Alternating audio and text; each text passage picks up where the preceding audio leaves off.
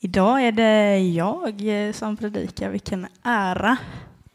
Eh, ja, du kan slänga upp den första bilden Elias. Bana väg för Herren ska jag tala om idag. Men jag tänker att vi börjar med en bön. Herre, jag tackar dig för att vi får samlas här idag, denna söndag. Tack för den här församlingen och för gemenskapen som finns här. Tack för att du känner oss alla, hur vi mår just nu, Herre. Jag ber att du ska få vägleda den här predikan, Herre. Låta dina ord bli sagda. Det ber jag i Jesu namn. Amen. Amen. Vi kan slänga upp andra bilden där. Toppen.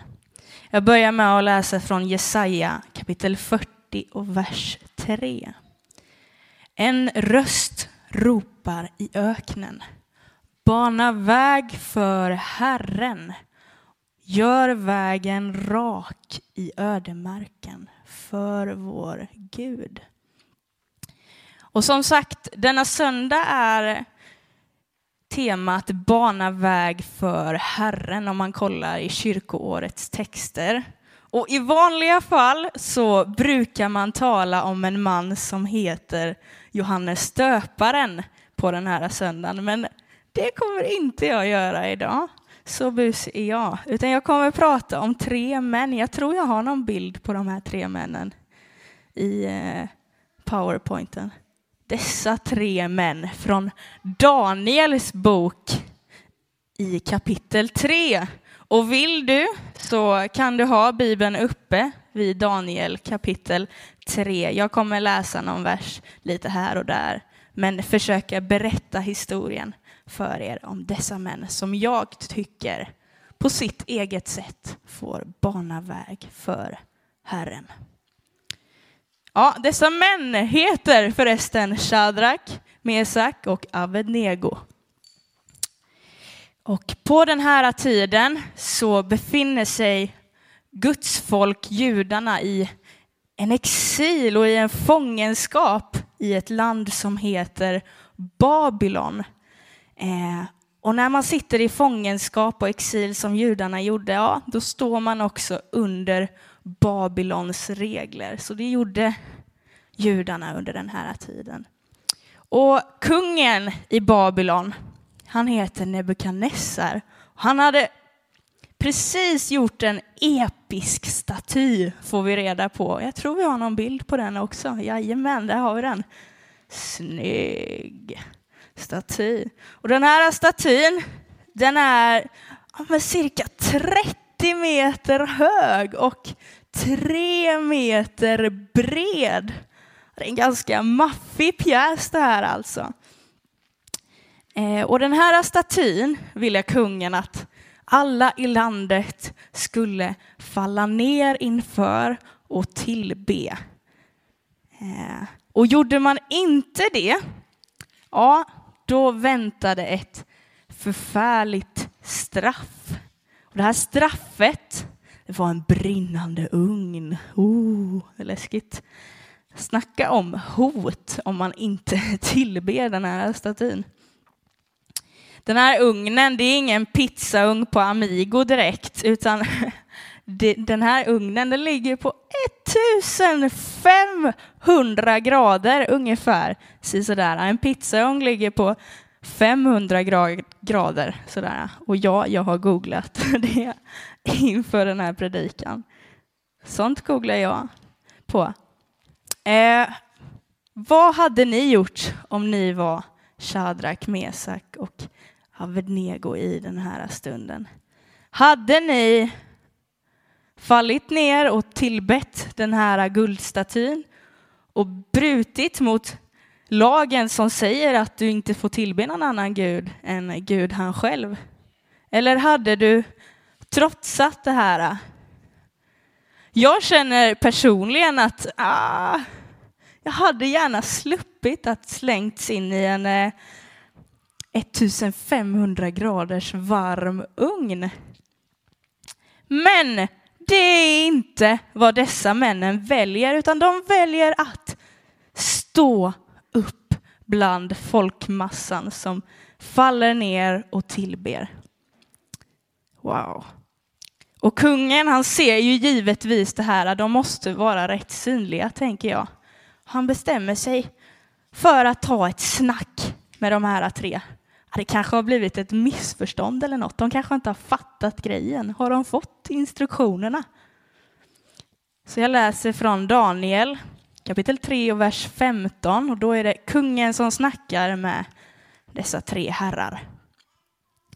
Om ni nu faller ner och tillber statyn som jag gjort när ni hör ljudet av horn, pipa, sitra, lyra, harpa, säckpipa och alla slags instrument. Ja, men eh, då är allt väl. Då är det okej. Okay. Då lägger vi det bakom oss.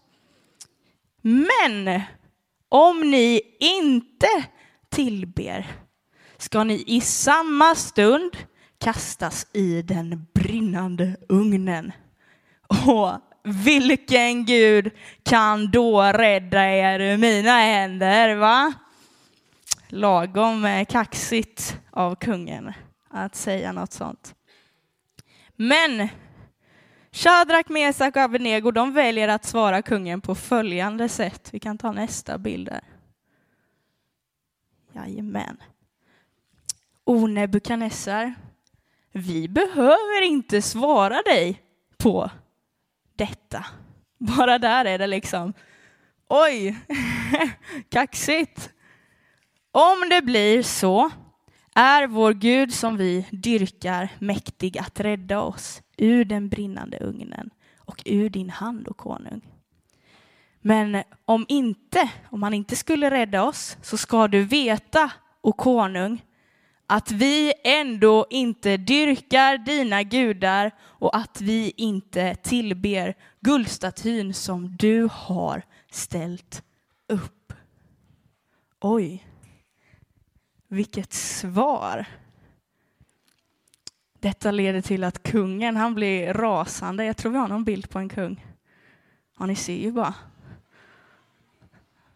Ja, jag blir rädd.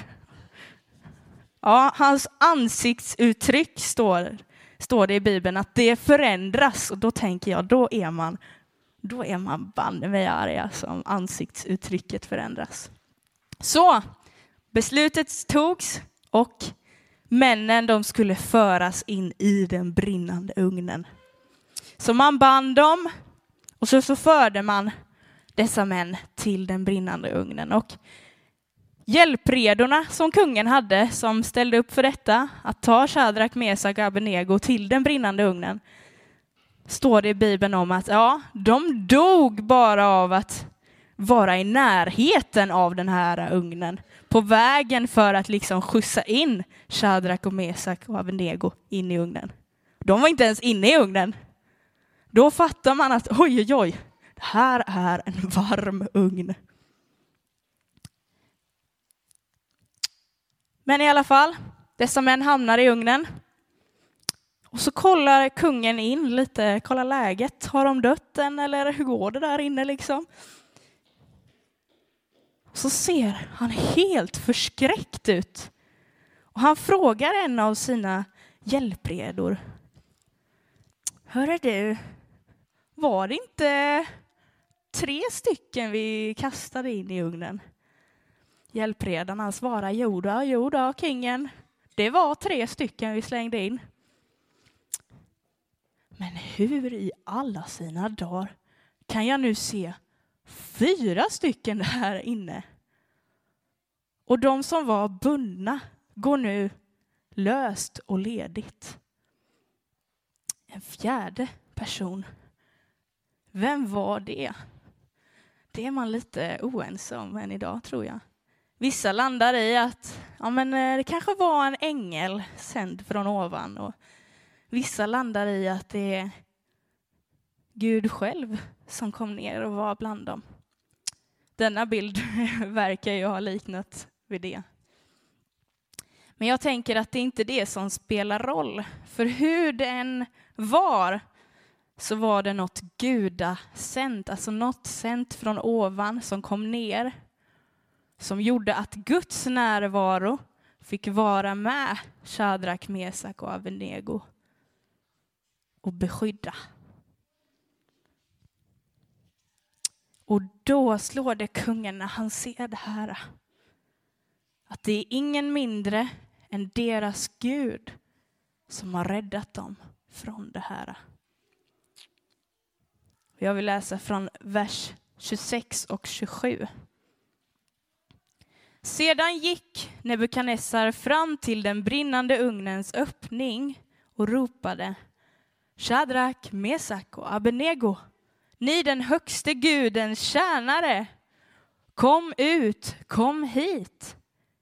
Då kom Shadrak, Mesak och Abenego ut ur elden och satraperna, guvernörerna, ståthållarna och kungens rådsherrar, alltså kungens hjälpredor, samlades där och såg att elden inte hade haft någon makt över männens kroppar. Att deras huvudhår inte hade svetts och att deras kläder inte skadats. Man kunde inte ens känna att de luktade bränt. Återigen, den här ugnen låg på 1500 grader och bara i närheten av den riskerade man sitt liv. Men de här männen, de luktar inte ens bränt, de luktar inte rök. Och jag vet att vi har några överlevare här inne som har gått bibeläventyr. Och de kan svara på frågan att ja, man luktar rätt mycket rök efter en sån grej. Och bara ni som har varit ute och grillat korv en eftermiddag kan nog säga, ja men jag luktar nog lite rök. Det gör inte dessa män. Det tycker jag är fascinerande. Och jag kan inget annat göra än att stämma in i kungens slutsats som han drar. Det finns ingen Gud som kan rädda så som han. Ja, du kan byta bild.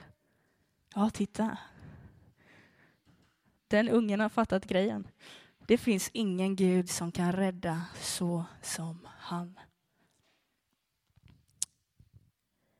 Och som jag sa i början av den här predikan så är temat för den här söndagen Bana väg för Herren.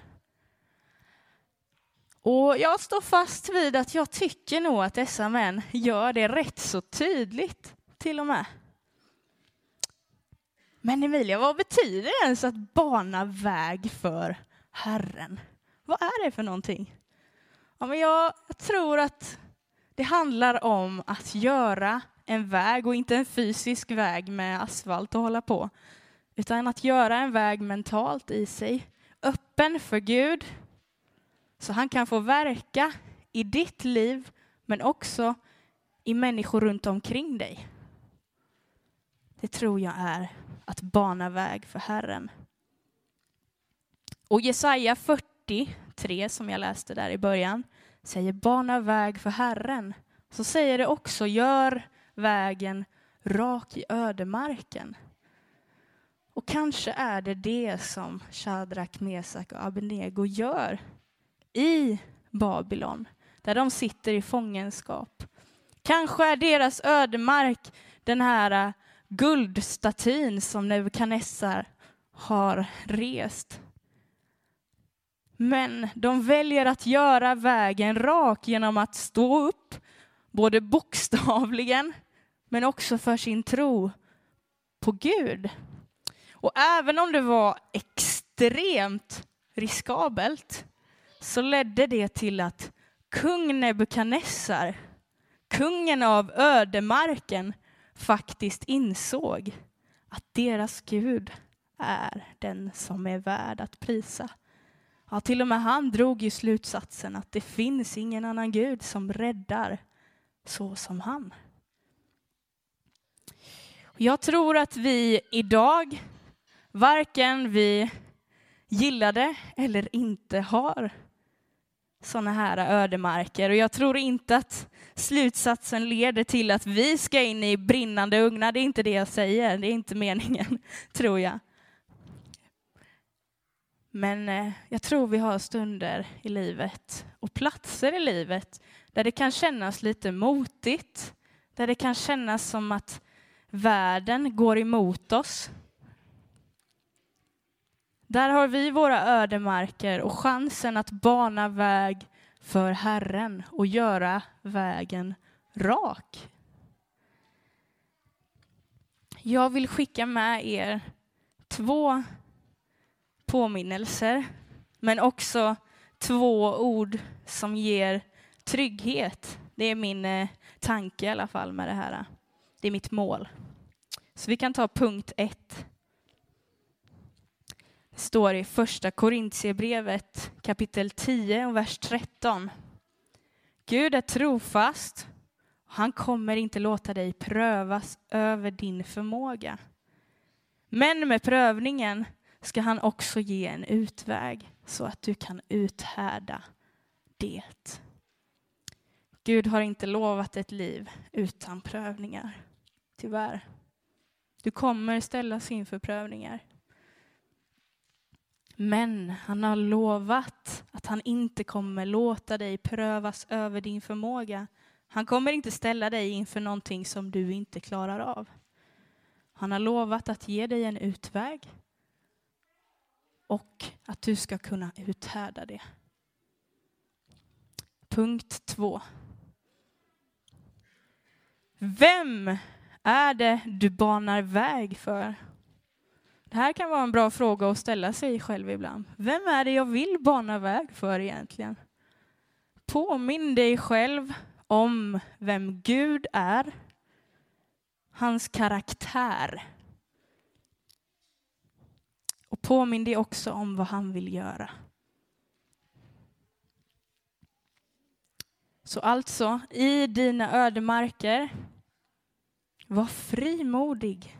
Bana väg för Herren. Gör vägen rak.